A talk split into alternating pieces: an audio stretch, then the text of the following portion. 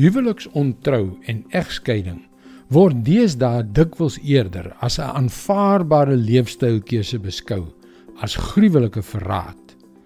Maar dit was nooit God se plan nie, nooit nie. Hallo, ek is Jockey Gouchee vir Bernie Diamond en welkom weer by Vars. Ek praat vandag met julle as iemand wie se eerste vrou hom vir 'n ander man verlaat het. 'n Man wat ek as 'n goeie vriend beskou het. Egskeiding. Dit gebeur net. Mense koel af, beweeg aan. Maar die tragedie van ontrouheid maak so diep seer dat geen woorde dit kan beskryf nie.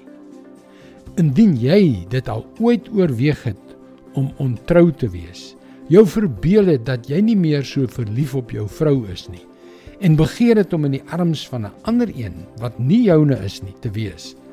Luister wat staan in Maleagi 2 vers 13 tot 16. Daar is nog iets wat julle doen. Julle huil en kerm en sug by die altaar van die Here omdat hy nie meer julle offers wil aanneem nie. En julle vra: "Waarom dan nie?" Dit is omdat die Here weet wat gebeur het tussen jou en die vrou met wie jy van jou jeug af getroud is. Jy was ontrou aan haar. Ontrou aan jou eie vrou, die vrou aan wie jy plegtig trou beloof het.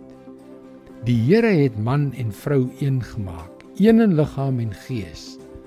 En waarom een? Omdat hy wil hê dat daar 'n nageslag moet wees wat hom eer.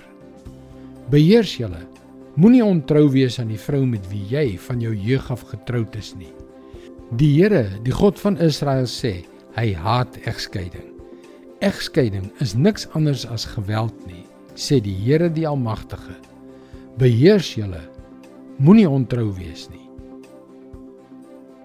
Ja, moenie aan mekaar ontrou wees nie. Moenie. Dit is God se woord vars vir jou vandag. Jy het waarskynlik opgemerk dat ons 'n wye verskeidenheid onderwerpe hierop vars bespreek. Jy kan gerus laat weet as daar enige onderwerp is wat jy graag wil voorstel dat ek moet bespreek. Laat weet my asseblief by teachingtopics.org. Seënwense en mooi loop tot môre.